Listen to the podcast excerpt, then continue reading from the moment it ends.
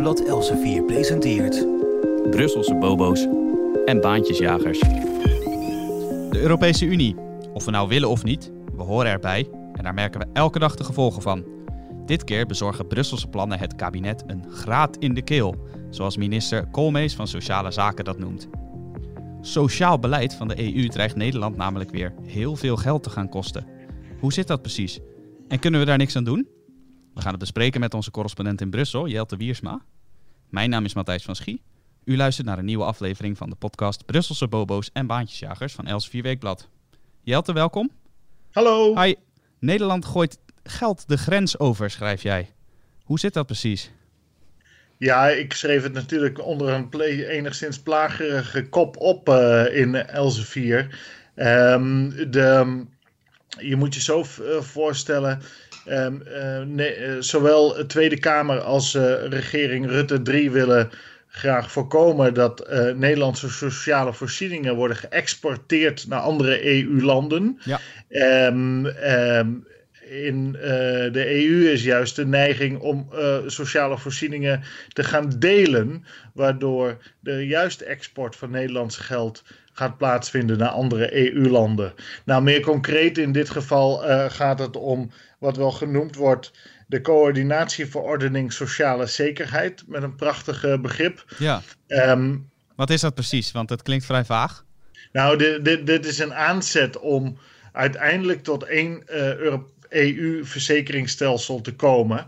Uh, sociaal uh, verzekeringsstelsel. Ja. En um, ja, je kan je voorstellen, gezien de grote verschillen in de uh, omvang en kwaliteit en waarde van de sociale verzekeringsstelsels, dat het een geweldige run van mensen door Europa op gang kan brengen naar de rijkere landen met een ruimere sociale verzekeringsstelsels. Dus Um, nou ja, en uh, het, het, conflict uh, spitst zich nu uh, toe op een deelonderwerp. Dat gaat over de WW, de wet werkloosheid. Zoals je weet, iedereen in Nederland die, die werkt in loondienst, die, bouwt, die betaalt elke maand premie voor een grote WW-pot. Nou, daar komen miljarden in, in goede tijd. En in slechte tijd, als mensen hun baan verliezen, dan hebben ze recht op uh, afhankelijk van het aantal jaren dat ze gewerkt hebben, uh, 80 aan, uh, dan wel 70% van hun laatst verdiende loon voor bijvoorbeeld een jaar. Ja. En um,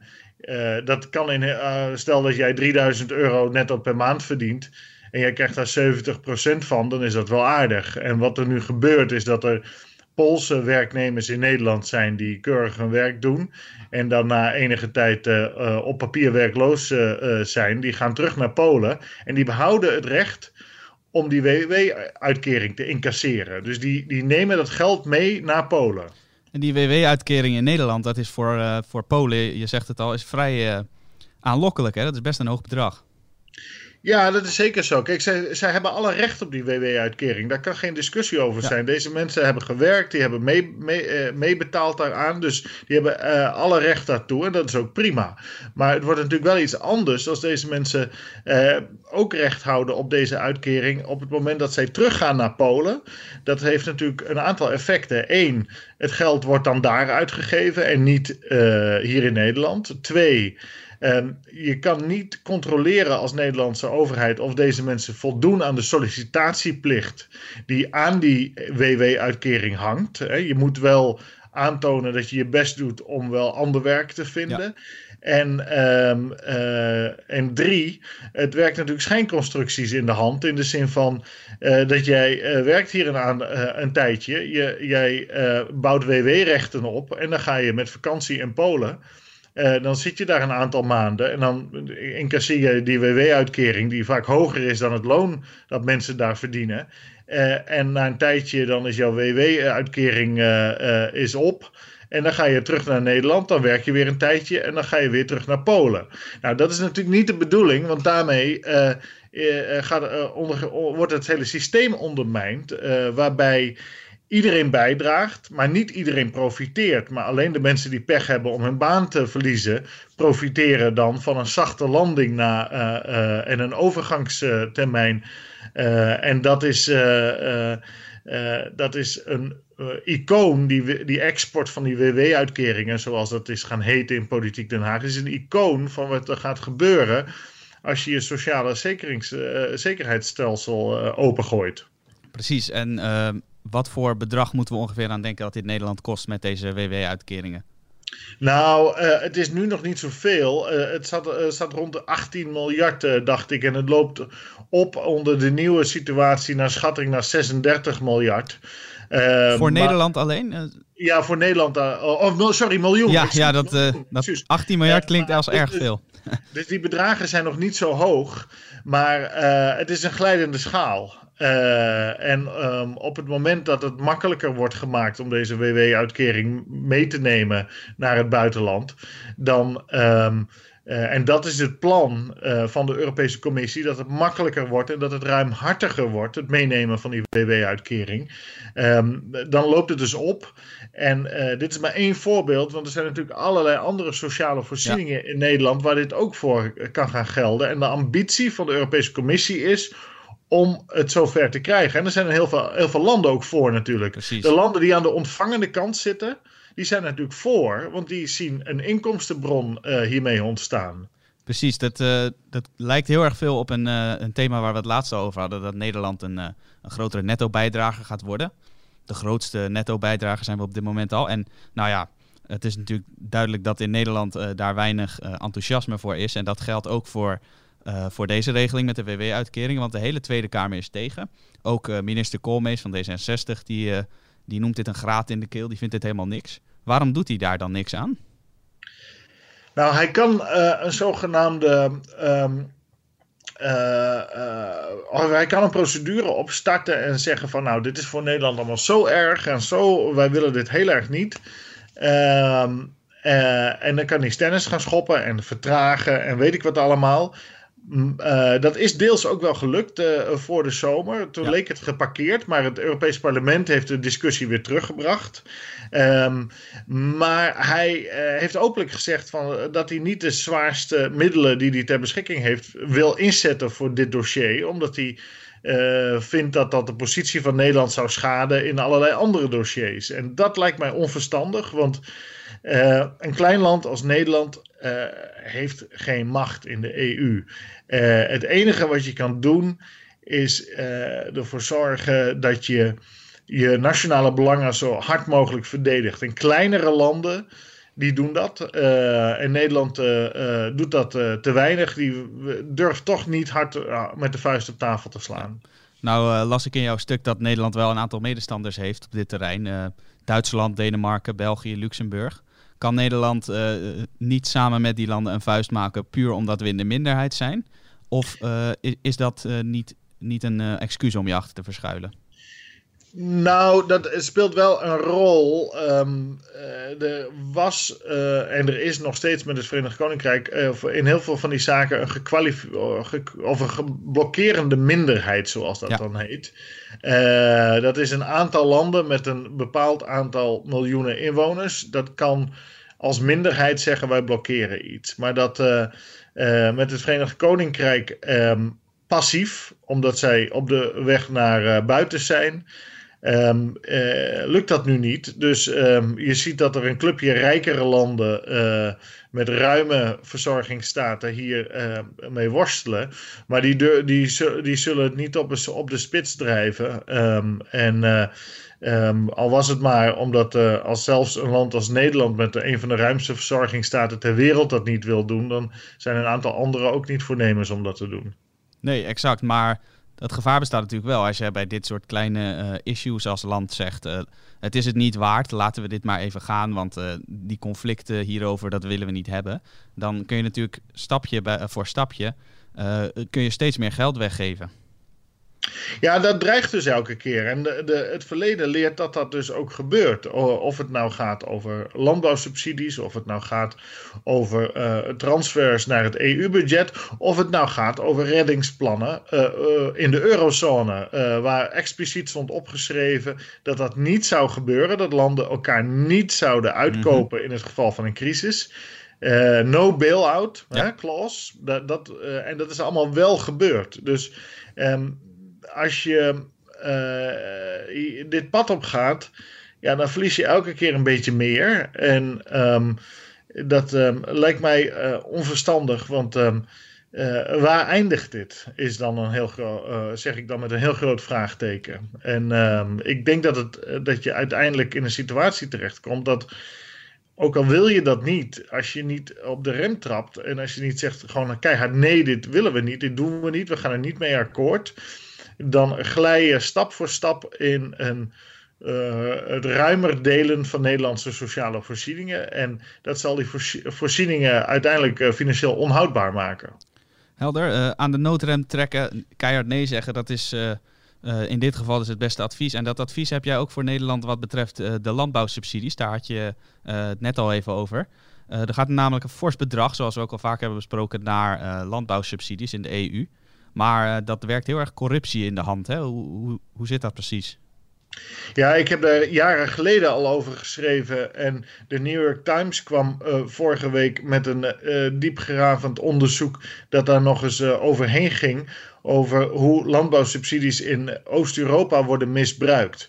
Nou, dat um, werkt ongeveer als volgt. Um, in Oost-Europa hebben heel veel staten heel veel landbouwgrond in eigendom. En dat is een uh, overblijfsel van de Sovjet-tijd, waarin de overheid eh, de meeste, zo niet alle landbouwgrond in bezit had. Nou, die landbouwgrond die is eh, door de jaren heen verkocht. En hoe gaat dat dan?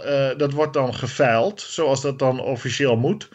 Um, maar die veilingen die worden dan zo georganiseerd dat er maar één iemand weet dat die veiling überhaupt plaatsvindt.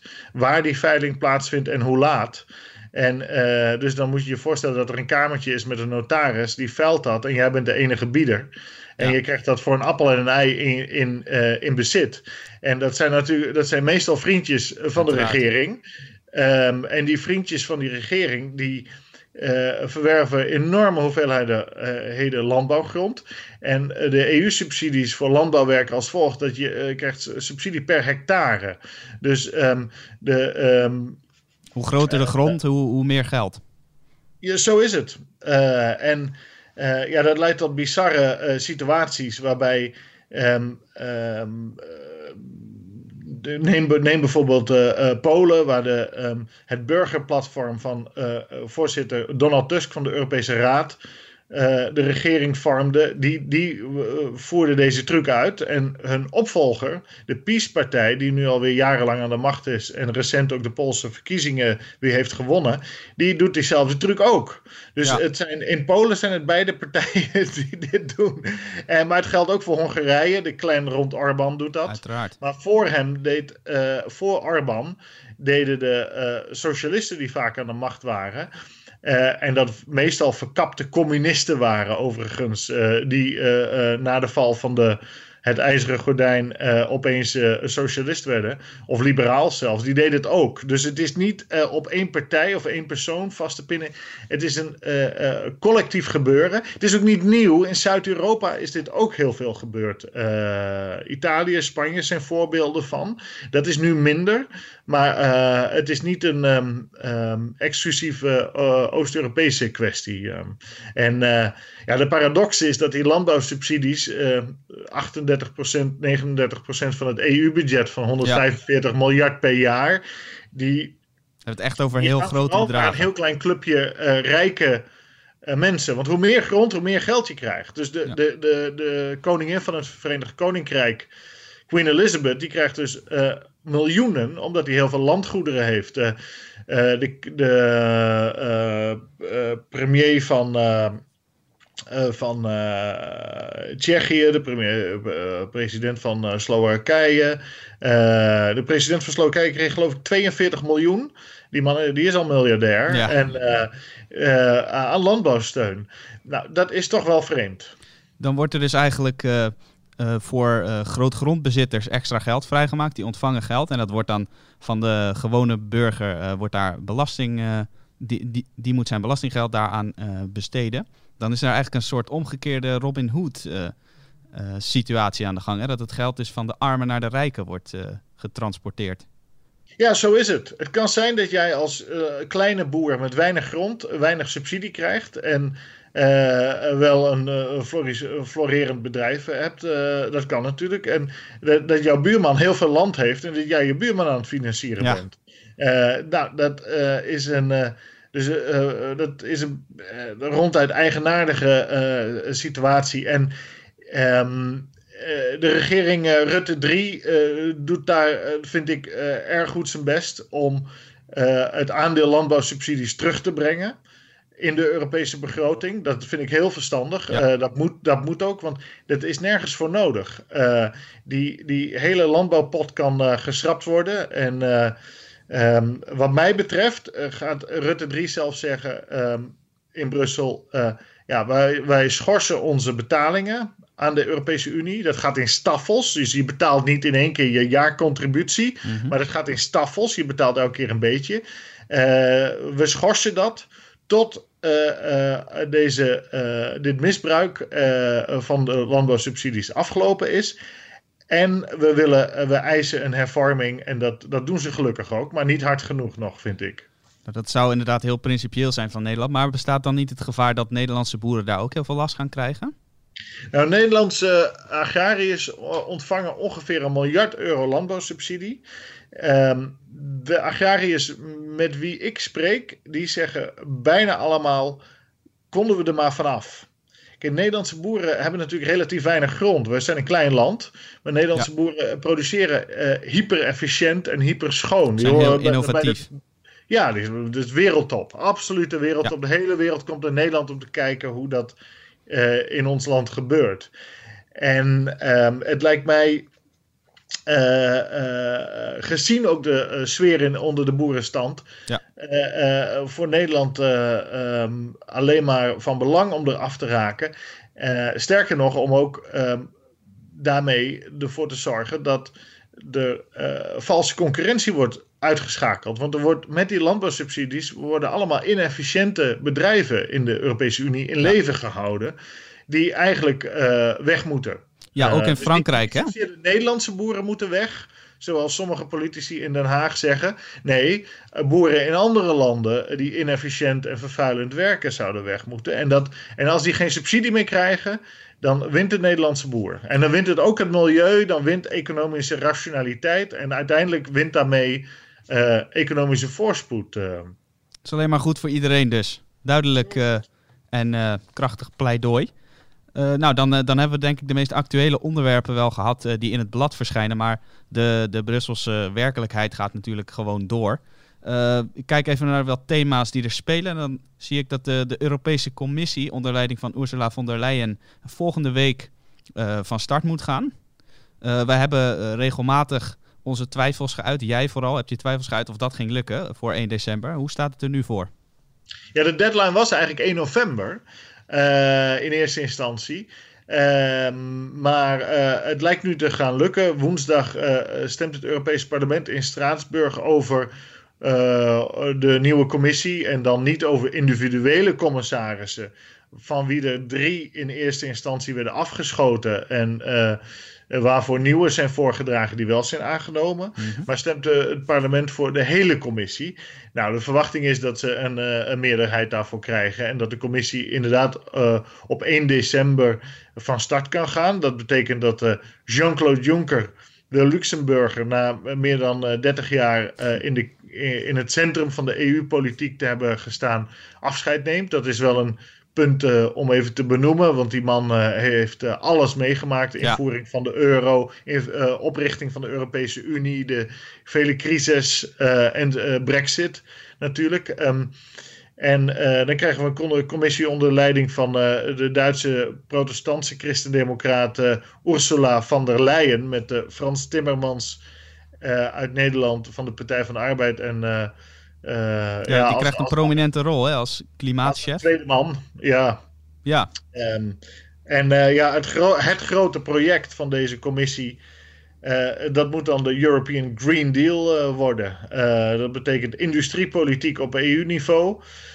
vele miljarden belastinggeld en geleend geld moet worden uitgegeven om ja, van de fossiele brandstoffen af te raken.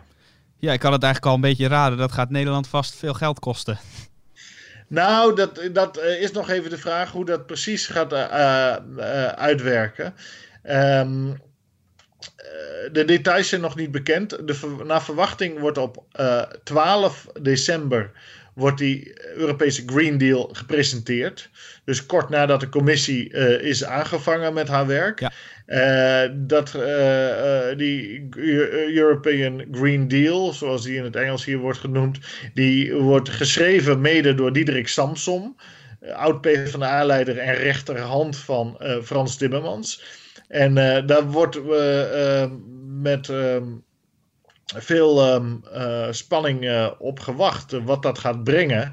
Want ja, het, kan natuurlijk zijn dat het via leningen gaat. Het kan zijn dat het via kortingen gaat op, op EU-bijdragen. Wie zal het zeggen? Dus daar moeten we eerst maar eens even afwachten voordat we dat kunnen beoordelen. de geschiedenis leert wel natuurlijk dat als politici denken dat ze um, economische politiek, industriepolitiek moeten gaan voeren, dat dat meestal verkeerd afloopt. Uh, dus, uh, maar goed, um, zoals je weet, um, uh, wordt niet altijd geleerd van de fouten uit het verleden. En ik verwacht ook niet dat dat in dit geval zal gebeuren. Nou, we, we gaan het zien onder leiding van Frans Timmermans. Laten we hopen op het beste voor Nederland. en, dat hopen we altijd. Ja, dat hopen we altijd, zeker. Dat, uh, dat is weliswaar geen optimistische boodschap, net als uh, zo vaak in deze podcast. Maar uh, wie weet komt men in Brussel toch een beetje tot inzicht. Nou, het hoeft niet per se eh, optimistisch of, of pessimistisch te zijn. Ik zou zeggen realistisch. Ja. Dit, is de, dit is de realiteit. Natuurlijk. En er zijn natuurlijk ook mensen die, die zeggen: nee, maar ik vind dat goed. Ik vind dat uitstekend dat ik wat meer belastinggeld betaal. Zodat uh, uh, multimiljardairs uit Oost-Europa rijker worden. Of ja, dat kan natuurlijk. ja. Wie zal het zeggen? Dat kan inderdaad. En, en, het kan ook zo zijn dat je vindt van: nou, het is prima dat Nederlands belastinggeld naar Polen gaat om steenkolencentrales te sluiten. En daar gascentrales neer te zetten. Gascentrales trouwens die in Nederland dan weer dicht moeten. Precies. Wat ook weer heel veel geld kost. Maar goed, uh, uh, daar kan je natuurlijk voor of tegen zijn. Ik probeer het vooral neer te zetten zoals het is. Ja. Ehm, en die, en die, die realiteit uh, is um, zoals die is. En daar kunnen wij niet zoveel aan veranderen. Duidelijk. we blijven het volgen. Hartelijk dank Jelte. We zijn aan het eind gekomen van deze podcast. Mijn naam is Matthijs van Schie en ik dank u hartelijk voor het luisteren naar Brusselse Bobo's en Baantjesjagers. Wilt u niets missen van deze podcastserie of van onze andere podcasts? Abonneer u dan op ons kanaal Elsevier Weekblad, bijvoorbeeld op Spotify, iTunes en op YouTube. Of ga naar elsevierweekblad.nl slash podcast. Tot de volgende keer.